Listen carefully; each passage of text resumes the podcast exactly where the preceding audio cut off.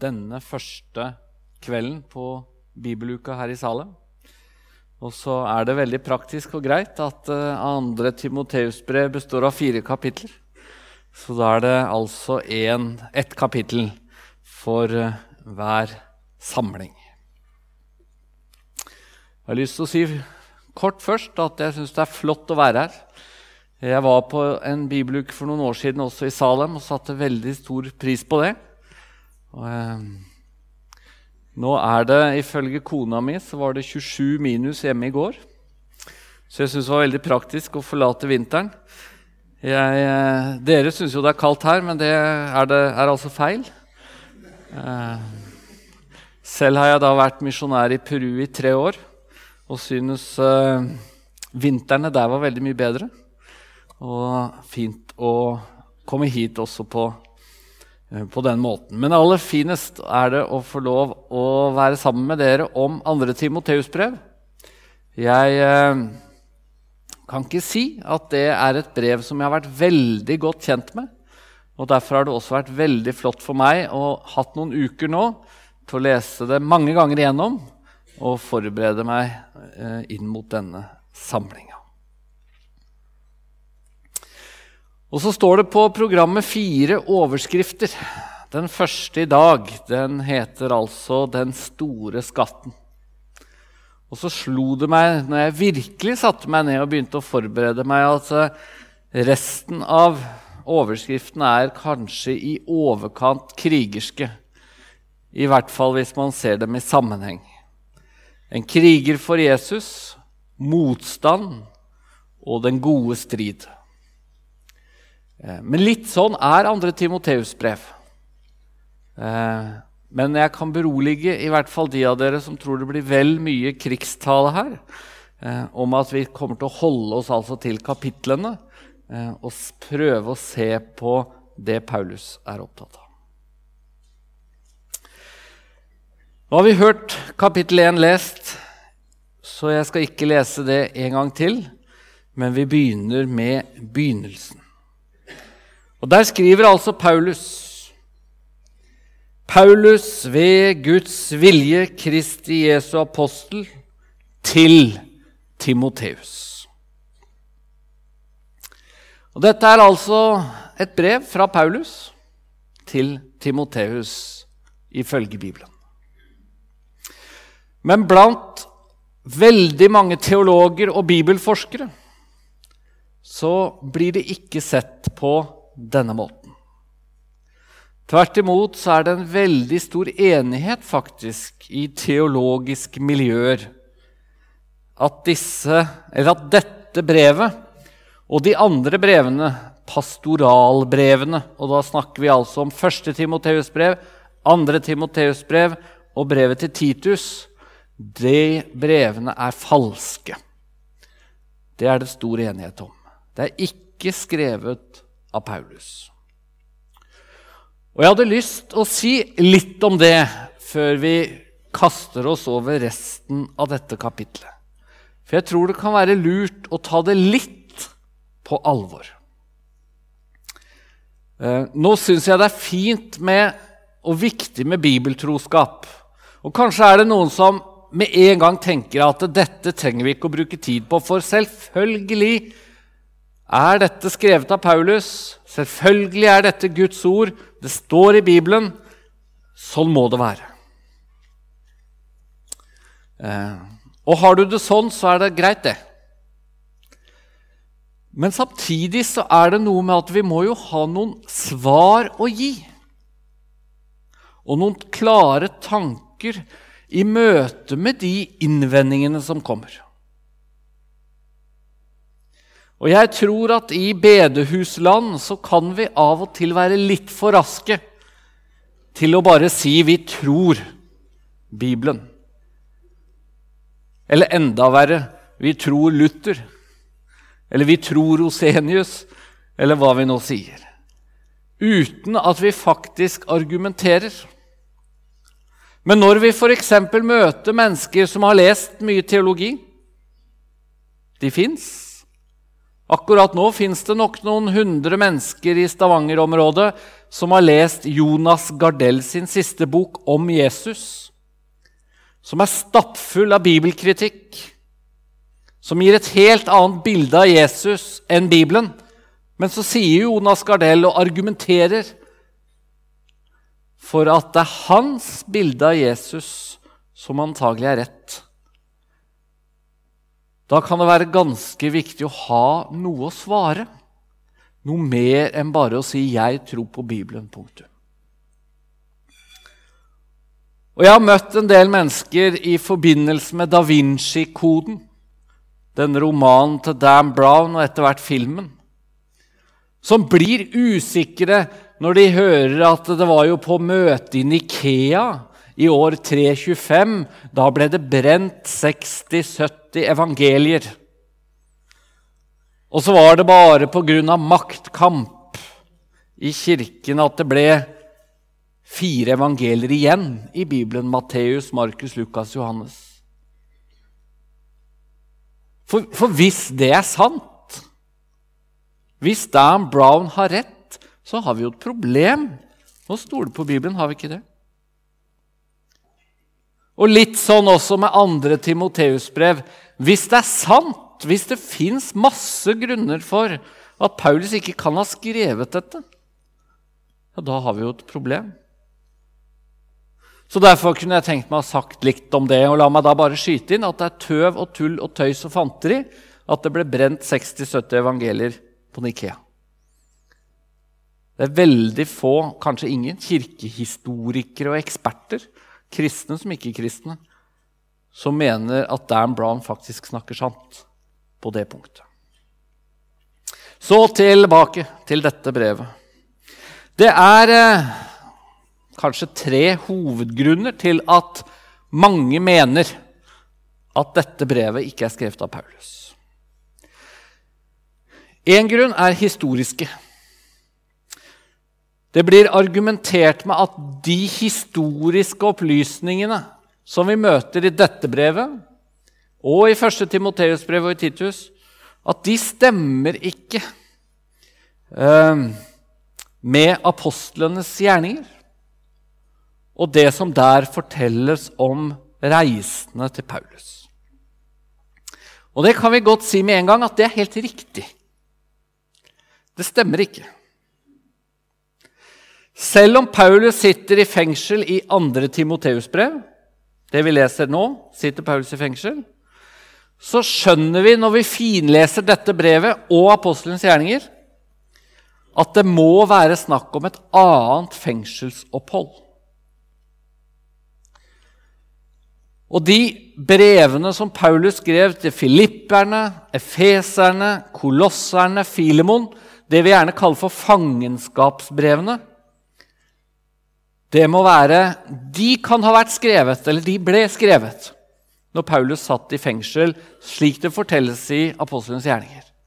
Men dette brevet må ha vært skrevet en annen gang Paulus satt i fengsel. Og Det er det mange forskere som av en eller annen grunn synes er veldig vanskelig å forstå. Men det trenger det ikke å være. Det er veldig enkelt, egentlig, å tro at Paulus faktisk slapp ut av fengselet i Rom etter at Lukas har skrevet ferdig apostlenes gjerninger. Og så reiste han videre. Etterlot Timoteus. Og så skrev han tilbake til Timoteus to brev, bl.a. andre Timoteus-brev.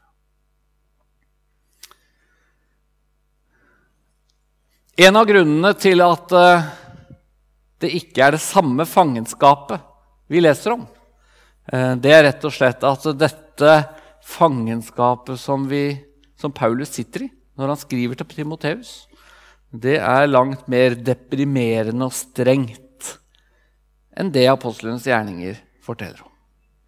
Paulus tror at han kommer til å dø. Han er sikker på at dødsdom blir resultatet når han skriver til Timoteus i dette brevet. Slik var det ikke da han satt i Rom. Da hadde han det egentlig ganske fritt. Og det er altså mye mulig at han slapp fri. Så én årsak er altså det historiske. Uh, og det er ikke en årsakvitt eller en måte å tenke på som vi trenger å, å la oss overbevise om. Den andre grunnen til at mange mener at disse brevene er falske, det er at språkbruken, altså det greske språket i disse brevene, er veldig annerledes enn det greske språket i de andre brevene til Paulus. Men det er det noen som sier, at uh, forskjellen er altfor stor til at samme forfatter kan stå bak. Andre mener at forskjellene ikke er så store. Og at det kan rett og slett handle om at Paulus er blitt eldre, og at det er en forskjell for Paulus å skrive til en nær venn som Timoteus, og det å skrive til en hel menighet, slik han gjorde med romerbrevet og efeserbrevet. Eh, et annet aspekt er jo at Paulus brukte antagelig sekretær. Eh, han fikk hjelp til å skrive sine brev. Eh, og det kan jo også bety at disse som hjalp Paulus, sto litt fritt når det gjaldt akkurat måten å bruke greske preposisjoner og den slags. Den siste grunnen, eller årsaken til at mange mener disse brevene er falske, er at det er en del som mener at her er det en annen teologi enn den vi ellers møter hos Paulus. Blant annet er det noen som sier at, at brevene, altså pastoralbrevene, forutsetter en formell kirkestruktur som ikke fantes rundt år 70. Når Paul snakker altså om tilsynsmenn og elster og den slags. Og så er det noen som sier at den vranglæren Paulus tar et oppgjør med i pastoralbrevene, den kunne heller ikke finnes omkring år 70.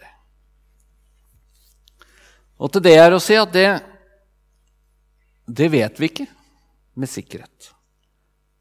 Det fins også ting som tyder på at det fantes en såkalt gnostisk vranglære også så tidlig som da Paulus skrev til Timoteus.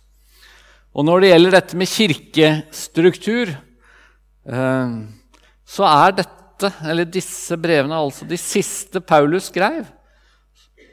De er skrevet en del år etter de første brevene. Og det ville jo ikke vært så underlig om det ble noe mer struktur og system i menighetene etter hvert som de vokste, og etter hvert som tiden gikk. Det var noen glimt og noen eh, aspekter ved den debatten som altså handler om er disse brevene ekte. Er brevet til Timoteus som vi har for oss i dag, er det faktisk skrevet av Paulus. De første kristne de var ikke i tvil. Og det skal vi også ta med oss. Mange kirkefedre før år 200, og det er tidlig, sa at dette her, eller siterte disse brevene som ekte Paulus-brev. Men det siste jeg hadde lyst å bruke som et veldig godt argument for at vi kan stole på at dette er brev fra Paulus, det er at de er utrolig personlige.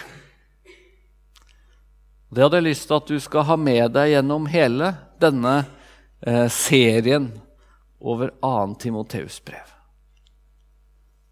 Kunne en falsk forfatter skrive så personlige ord fra Paulus til Timoteus? For dette er kanskje det mest personlige brevet vi finner i Bibelen. Jeg takker Gud, som det står i vers 3, når jeg minnes deg i mine bønner dag og natt. Når jeg minnes dine tårer, lengter jeg etter å se deg igjen. Den tonen møter vi hele veien. Og så avsluttes brevet ved at Paulus skriver til Timoteus.: Når du kommer, så ta med deg den kappen som jeg lot være igjen hos Karpus i Troas. Er det særlig sannsynlig at falske brevskrivere tok med en sånn opplysning?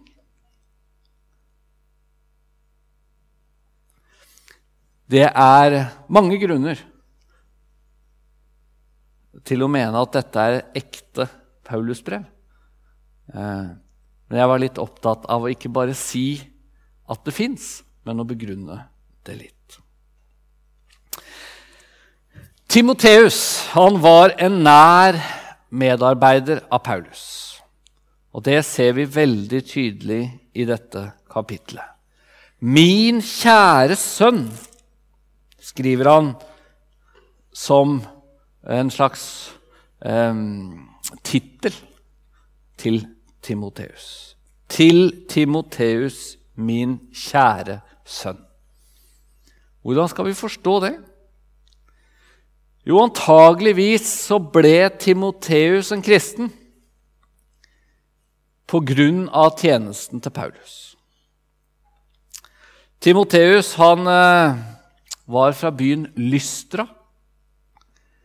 Der var eh, Paulus flere ganger. Det ser vi i apostlenes gjerninger.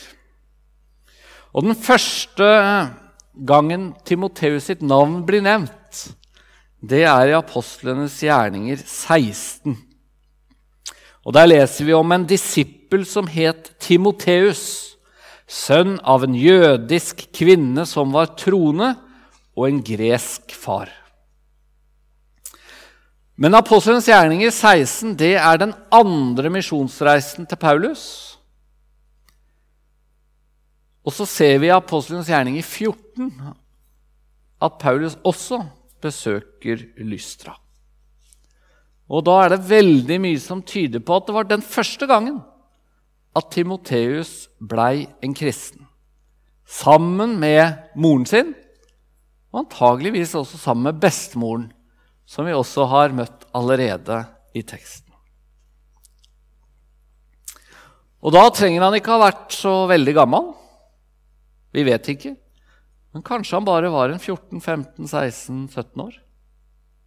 For han var i hvert fall en ung disippel da Paulus møtte han andre gang, som vi altså leser om i Apostelens gjerninger 16. Og da blei han med på tur. Da ble han med Paulus som en av de i hans reisefølge. I første Timoteus brev i innledningen så skriver Paulus til Timoteus mitt ektefødte barn i tro. Og Det tyder også på at, at Timoteus altså ble en kristen, ble frelst gjennom forkynnelsen til Paulus. Og så leser vi altså om en mann, en apostel, som ber dag og natt for sin unge medarbeider. Når jeg minnes dine tårer, når jeg blir minnet om din oppriktige tro. Sånne uttrykk møter vi fra Paulus. Og det er ikke så veldig mye som tyder på syns jeg at dette er oppdikta. At dette er et falskt brev. Og her, i 2. Timoteus brev, så møter vi altså navnene til Timoteus sin mor, Aunike, og Timoteus sin bestemor, Louise. Eh, de står ikke noe annet sted i Bibelen. Så det er første gang vi møter dem her. Enda et argument for at her står vi overfor et ekte personlig brev fra Paulus til en ung medarbeider som han kjente godt. Eh, andre Timoteus-brev er det siste brevet som Paulus skrev, og som er i vår bibel. Kanskje rundt år 65, 66, 67. Og Det betyr at dette brevet skrev Paulus omkring 20 år etter at han møtte Timoteus første gang. Og Grunnen til at vi tror at Timoteus må ha vært veldig ung første gang, kanskje 15 år, kanskje 16 år, det er at han er fortsatt ung nesten 20 år seinere. Og det kan dere legge merke til uh, i morgen. For et sted i kapittel 2 så skriver Paulus til Timoteus at han må fly bort fra ungdommens lyster. Så, og da, han, da, da, må han jo ha vært forholdsvis ung. Og i første Timoteus' brev, skrevet et par år tidligere, men fortsatt 15, 16, 17, 18 år etter at de møtte hverandre første gang, eh, så får eh, Timoteus beskjed om å, om å ikke skamme seg over sin ungdom. Så når vi leser dette brevet, så kan vi se for oss en mann på min alder, faktisk. 38 år er jeg. Og, og, og, da har jeg altså grunn til å kalle meg for en ganske ung mann fortsatt. Eh, gleder meg over det. Eh, og så kan vi se for oss at eh, Paulus er rundt 20 år eldre. Omtrent som Jonny Vågen, som dere ser snart. Hvis dere vil prøve å se det for dere på den måten. Um, og det forteller oss også at disse to, Paulus og Timoteus, de hadde et langt liv sammen i tjenesten for Gud. Og de sto altså sammen først på den måten at Paulus reiste sammen med Timoteus. Ja, det er faktisk sånn og Det tror jeg det er veldig mange av dere som aldri har tenkt over. At uh, Timoteus han står oppført som medforfatter til veldig mange av de brevene vi ellers har i Bibelen. Vi er så vant til å tenke at her er det Paulus sitt brev til kolosserne, og her er det Paulus sitt brev til efeserne, og, og, og greit nok det. Men de fleste av disse brevene er faktisk Timoteus' medforfatter til. Så de sto sammen også på den måten.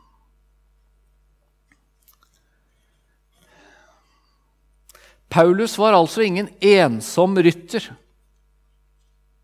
Og Det hadde jeg lyst til å legge litt ekstra vekt på i dag. Og det var nok ikke Timoteus heller. De trengte hverandre. De trengte oppmuntringen fra hverandre. De trengte å stå sammen. Paulus trengte en så ung mann når han reiste rundt. Og så blir litt av spørsmålet til deg og meg også har vi noen som vi står sammen med? Og gjerne over år. Har du noen kristne venner, veiledere, støttespillere som kjenner deg, som kjenner dine kamper, som kjenner din tro, som er der for deg. Når Paulus ikke ønsket å være en slags ensom rytter, men hadde både Silas og Lukas og Timoteus, men særlig Timoteus, sammen med seg. Da trenger også du det. Det er jeg helt sikker på. Jeg kommer eh, hit nå i kveld rett fra Danmark, hvor jeg har vært et døgn. Og Litt tidligere i dag så satt jeg og snakket med en mann på 43 år som heter Karsten Amby. Jeg lagde et intervju med han eh, som jeg skal bruke eh, i denne boka mine homofile venner når den kom på dansk. Eh, og Karsten Amby er homofil. Eh, 43 år, altså. Lever aleine. Har levd aleine hele livet. Og så har han kjent seg som homofil i 8 eller 29 år, fortalte han. Vokste opp i et kristent hjem.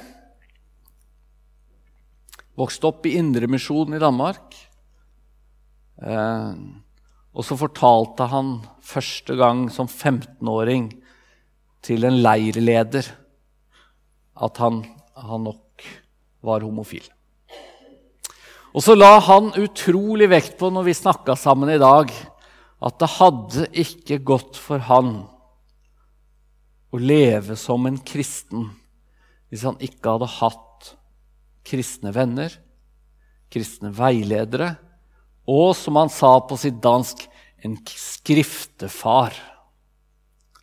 En skriftefar. Og så når vi snakket sammen, og han fortalte sin historie, så sa han til meg at jeg kommer jo ikke til å fortelle alt om mitt liv, om mine kamper og min utfordring til deg. Det er bare min skriftefar jeg er 100% åpen overfor. Og så ble det for meg en liten sånn påminnelse om at vi trenger alle, også de av oss som ikke kjemper med homofile følelser. Vi trenger nok en skriftefar. Vi trenger nok Eller hvilket uttrykk man nå bruker. Bruk gjerne sjelesørger hvis det høres mer uskyldig ut. Men vi trenger noen som vi er åpne med. Som vi tør å fortelle om livet vårt, om kampene våre, om mismotet hvis det kommer, som det helt tydelig gjorde for Timoteus. Og så er jeg redd for at det er noe som eh, det ikke er så vanlig å, å ha i våre sammenhenger. Jeg har i hvert fall møtt veldig mange som sier at de skulle så gjerne hatt en sjelesørger eller en slags skriftefar eller noen som de kunne være helt åpne med, men de har det ikke. Brevet til Timoteus, forholdet mellom Paulus og Timoteus, viser noe av viktigheten av at vi ikke prøver å leve eh, som ensomme ryttere som kristne. Det er ikke noe mål i å klare seg selv. Du trenger noen å stå sammen med. Kanskje nå vet jeg ikke helt åssen opplegget er i Salem på dette. Men, eh, men eh, snakk med noen. Finn ut eh, om du trenger en skriftefar, en sjelesørger, en fast person, til og med over noen år, som kan gå sammen med deg.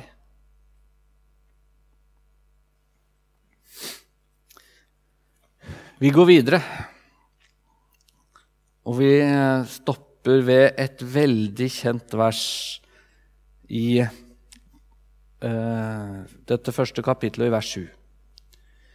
For Gud ga oss ikke motløshetsånd, men krafts- og kjærlighets- og sindighetsånd. Skam deg derfor ikke vår Herres vitnesbyrd eller ved meg, hans fange, men lid ondt sammen med meg for evangeliet i Guds kraft. Paulus sitter altså i fengsel. Han regner med at døden er rundt hjørnet. Mange har vendt han ryggen. Og Timoteus er neppe eh, i et særlig sprudlende humør. Eh, nå kan jo du lese 1. Timoteus og dette kapittel 1 særlig eh, rolig gjennom i løpet av disse dagene. Um, og så kjenne litt sånn etter hva, hva føler du at dette brevet sier om hvordan Timoteus har det? Men jeg føler meg i hvert fall forholdsvis sikker på at, at Timoteus var litt der nede. I likhet, Timo, eh, I likhet med, Paulus. Paulus syntes nok ikke det var særlig hyggelig at det var så mange som hadde vendt han ryggen, og at han satt der aleine i fengselet og venta på døden. Og så regner han da tydeligvis med at uh, Timoteus også sliter med mismot og depresjon, kanskje, og litt tunge tanker. Gud ga oss ikke motløshetsånd, skriver han. Og Dette skal vi komme litt mer tilbake til i de andre bibeltimene. Men jeg hadde lyst til å bare kort kommentere akkurat det verset. For det har jeg undra meg litt over. Hvordan er det vi bruker det? Hva vil Paulus egentlig si Timoteus, og hva vil han si oss? For jeg syns det er ofte vi leser det. Gud ga oss ikke motløshetsånd. Og så syns jeg ofte at uh, vi, opp, vi, tolker dette verset som om det betyr at det er egentlig alltid grunn til optimisme. Ikke vær motløs, ikke vær mismodig. Det er alltid en grunn til optimisme. Og i det store perspektivet så er det jo det. Vi er på vei til evig salighet. Men det betyr jo ikke at vi skal late som om ting går bra når det ikke går bra. Og I dette brevet så er jo Paulus veldig åpen og ærlig på alt som ikke går så bra. Han er åpen og ærlig på at det er mange som har svikta han, at det er mange som har vendt han ryggen. Og Jeg har av og til tenkt at dette verset det bruker vi nesten for å lage en teologi som blir uærlig. Hvor det på en måte blir et slags mål å si til hverandre at 'vær aldri motløs'. Som om det betyr 'vær aldri um, ærlig' når ting ser litt mørkt ut. Og jeg fikk en liten aha-opplevelse også i forhold til det i dag i Danmark, i København. For han jeg møtte, Karsten Amby, han møtte jeg eh, i et bedehus som heter Betesta i Danmark. Og det har jeg lest om, og det har jeg hørt om. For det er da Indremisjonens gamle, ærverdige bedehus midt i København. Jeg var inne i huset i dag og så det for første gang. Det er altså et bedehus med plass til bortimot 1000 mennesker. Større enn Salem. Svært galleri. Jeg kan tenke meg det er bygd omkring 1920. Og det har nok vært stappfullt mange ganger. Jeg vet at det har vært vekkelse der. Og så spurte jeg Karsten Amby hvor mange som kommer på en vanlig søndag. Mellom 15 og 25 svarte han. Er det da jeg skal dra opp Bibelen, slå opp i 2. Timoteus brev 1,7 og lese 'For Gud ga oss ikke motløshetsånd'? Hva gjør man da? Er det lov å bli deprimert over at det er så fryktelig mange som ikke vil komme i bedehuset? I Betesta.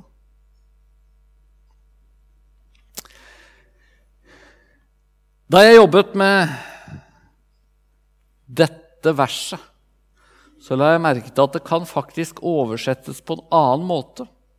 Og blir oversatt litt annerledes i en del bibeloversetter.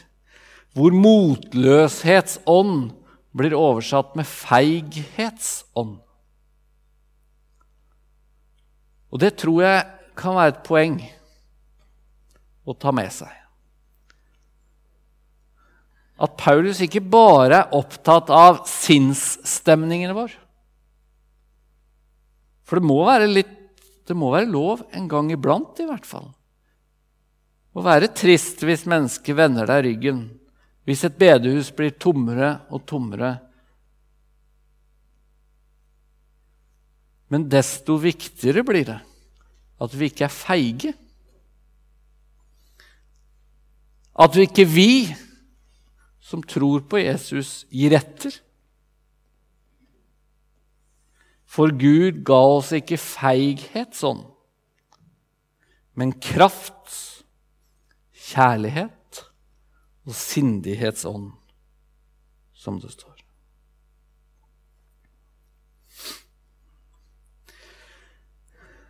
Så skriver Paulus, særlig fra vers 9, om frelsen, om hva Timoteus og han kan glede seg over, selv om det kan se litt mørkt ut i fengselscella.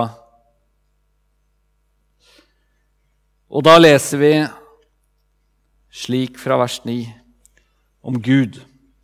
Han er den som har frelst oss og kalt oss med et hellig kall. Han gjorde det ikke etter våre gjerninger, men etter sin egen rådslutning og nåde. Den som han ga oss i Kristus Jesus fra evighet av. Nå er denne nåde blitt åpenbaret ved vår Frelser Jesu Kristi åpenbaring. Han har tilintetgjort døden og ført liv og uforgjengelighet fram i lyset ved evangeliet.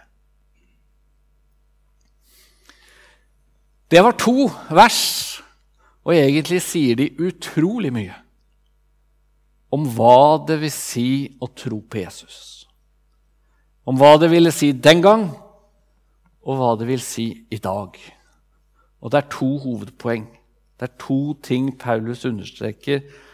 Det første er at frelsen er det Gud som står bak. Han er den som har frelst oss. Han gjorde det ikke etter våre gjerninger men etter sin egen rådslutning og nåde. Og Dermed er vi jo ved et litt vanskelig tema, nemlig temaet om, om Guds rådslagning eller utvelgelse.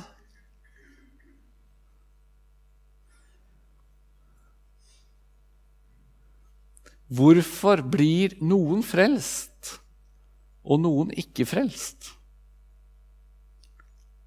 Så Et av de svarene som vi møter en del ganger i Bibelen, også her, er at mennesker blir frelst fordi Gud velger dem ut til frelse. Og så er det mange som sier at ja, men hvis det er sånn, da er det vel slik at de som går fortapt, også er utvalgt til det kan en god Gud velge ut noen til å gå fortapt? Det er noen som har ment det veldig sterkt. Kirkefaderen Augustin, en av de. Den kjente reformatoren Calvin, en annen. Men jeg kan ikke se at det står et eneste sted i Bibelen at Gud har utvalgt noen til fortapelse. Tvert imot står det jo at Gud vil at alle skal bli frelst. Men når det står mye om utvelgelse, så må det være for å fortelle oss at vi blir ikke frelst av våre gjerninger. Vi blir ikke frelst av vår fromhet. Vi blir ikke frelst av noen annen grunn enn at Gud vil frelse oss. Og Det er kanskje noe som vi ikke tenker så veldig mye over. Men det er faktisk befriende, dette budskapet, når du opplever at kristendommen din ikke virker særlig god. Når du faktisk føler deg mye mindre from enn idealistiske mennesker uten tro. For det fins masse flotte mennesker også i Norge som ikke tror på Jesus. Som stiller opp, som gjør mye godt. Og det kan være anfektende for mange av oss å spørre Hvorfor skal jeg bli frelst hvis han eller hun ikke blir det? Og da er det faktisk en trøst i det at du blir ikke frelst på grunn av din fromhet. Du blir ikke frelst fordi det er et eller annet litt spesielt bra med deg. Du blir frelst fordi Gud har valgt deg ut. Slik han valgte ut israelsfolket, selv om det var svakt, selv om de var eh, noen stabeiser, selv om de gjorde mye tull og tøys hele tiden. Gud hadde valgt dem ut. Selv om det var andre folkeslag som var større og sterkere og bedre på alle mulige måter. Gud hadde valgt dem ut. Og sånn er det med deg òg. Gud har valgt deg ut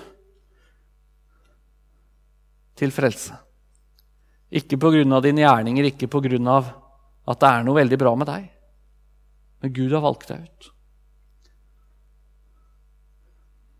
Og så kan vi altså spørre men hva da med de som ikke er frelst? Og det klarer vi ikke helt å forstå. Men Bibelen sier at Gud vil frelse alle. Og Derfor er det faktisk sånn at når mennesker ikke blir frelst, så er det altså fordi de ikke tar imot Guds nåde. Og da står vi selvfølgelig overfor et paradoks. Du blir frelst fordi du er utvalgt av Gud. De som går fortapt, går fortapt fordi de sier nei. Men det er et litt godt paradoks som jeg tror fins i vår bibel for å gi oss en grunnvoll å stå på når det gjelder frelse. Det var det første som Paulus altså sier om frelsen. Den er det Gud som står bak, ikke vi. Det har ikke noe med gjerningene våre, det har ikke noe med fromheten vår. Det andre er at frelse det handler om at Gud har tilintetgjort døden og ført liv og uforgjengelighet fram i lyset ved evangeliet, som det altså sto her i vers 10. Og uansett hvordan vi snur og vender på det Noe av det helt sentrale ved budskapet om Jesus, det er at Gud ved Jesus tilintetgjorde døden. Ikke på den måten at vi ikke skal dø fysisk, men på den måten at døden for en trone er en port inn til evig salighet. Og En av de beste boktitler jeg veit om, det er en bok om Jesu oppstandelse og seier over døden, som heter 'Den dagen døden døde'.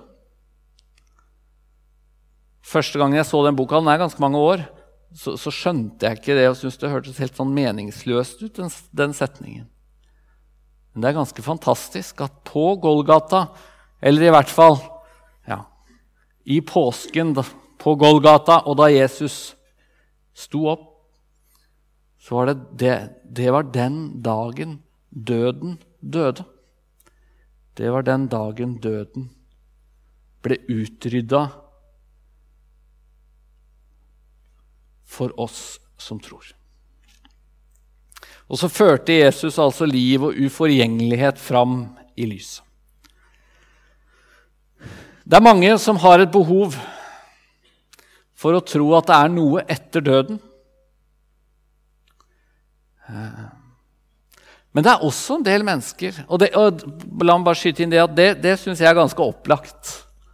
Eh, jeg tror jeg er en av de sjøl som i hvert fall ganske ofte eh, på en måte føler at hva er dette livet hvis det bare er det?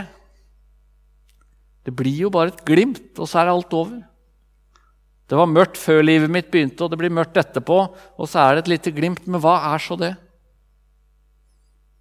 Men det er også mange som sier at de har ikke noe behov for evig liv. At det nesten kan være befriende å tenke at nå er vi ferdig, at det ikke er noe mer. Det er en del som sier at de egentlig ikke vil leve evig. Og Jeg har møtt dem av og til sånn, hva skal vi si, litt mer sånn evangeliserende samtaler. Og jeg har fundert på hva sier du da? Når du er lært opp til, for det er i hvert fall jeg, til å tenke at det, det, liksom det mest sentrale ved evangeliet, det er at Jesus sier evig liv. Tenk det! Håp i døden.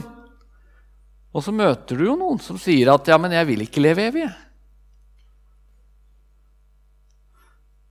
Og så må jeg innrømme at jeg av og til forstår dem også. For jeg klarer jo ikke å forestille meg hva et evig liv er. Gjør du det? At tiden bare aldri stopper? Jeg har hørt fortellinger, og det har sikkert du òg, om at evigheten Da må du se for deg et fjell. Og så kommer det en fugl en gang hvert tusen år, og så hakker det på det fjellet.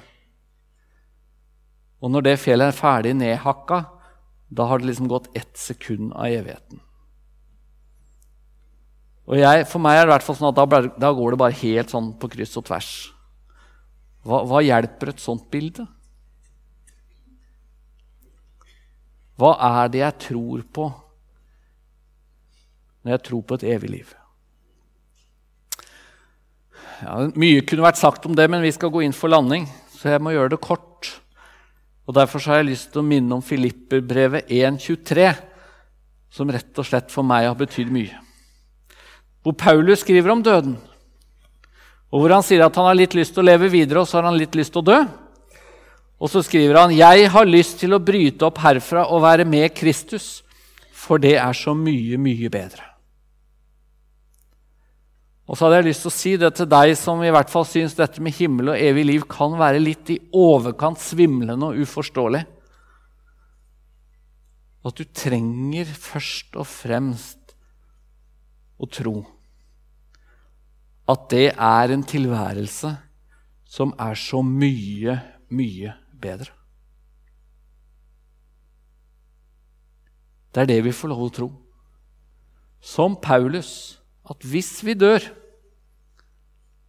så blir livet, det evige liv, så mye, mye bedre.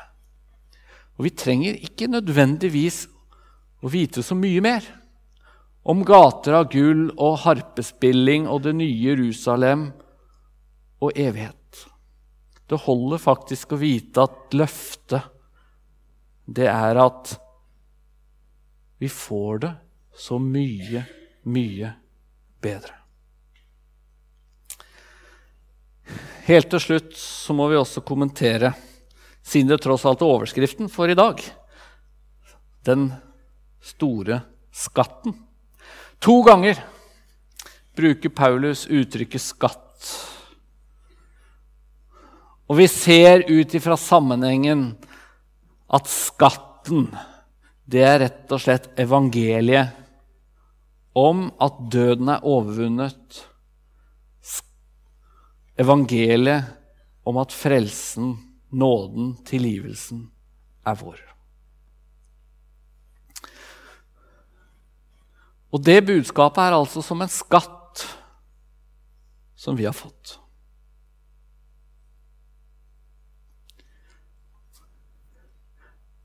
Og så blir jo litt av spørsmålet til deg og meg er det det vi tenker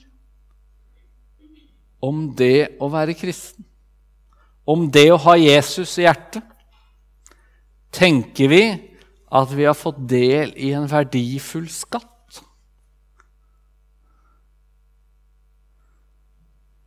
Og jeg må i hvert fall si for min egen del at det er veldig lett å glemme det som perspektiv. Å være opptatt av at det koster å være kristen, at det kan være slitsomt, at man må gå på møter hele tiden. Det sier i hvert fall barna mine at det er det de føler av og til. Og så kan vi, selv om vi bor altså i et fritt land som Norge og har det så godt på mange vis, er det, så er det lett å tenke at uh, det er litt strev, dette med å være kristen. Det koster litt, det krever litt. Men Bibelens perspektiv, og det jeg skulle ønske kanskje på en særlig måte at du tok med deg hjem i kveld, det er at du har fått en verdifull skatt. når du får lov å tro på Han som gir deg frelse, tilgivelse, nåde og til og med et evig liv. En skatt som overgår alt annet. Jesus sier et sted hva gagner det et menneske om han vinner hele verden, men tar skade på sin sjel? Da snakker han om en skatt som er så stor at hvis du vinner hele verden Hvis alt går din vei i 70-80 år her nede Hvis alt går din vei, med karriere og kjærlighet og jobb og penger Hvis alt går din vei, så gagner det ingenting hvis du taper din sjel. Skatten, frelsen, det evige liv overstråler alt.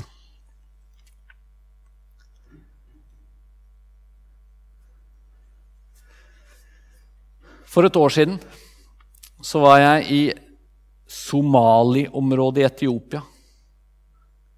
I Jijiga. Nå kommer jeg plutselig på at dette her blir tatt opp, og det jeg sier nå, må ikke sendes på radio. Da fortsetter jeg. Kjære gode Gud, takk for at vi får lov å tilhøre deg. At du har utvalgt oss uten at det har noe med våre gjerninger å gjøre. Så har du frelst oss, sendt Jesus for å bære våre synder og i vårt sted seire over døden. Vi takker deg for at vi kan få lov å tro dette, formidle dette og bygge livet vårt på dette. Vi ber om at du må ordne det sånn at vi kan se at vi eier en stor skatt, mer verdifullt enn alt annet på denne jord. Amen.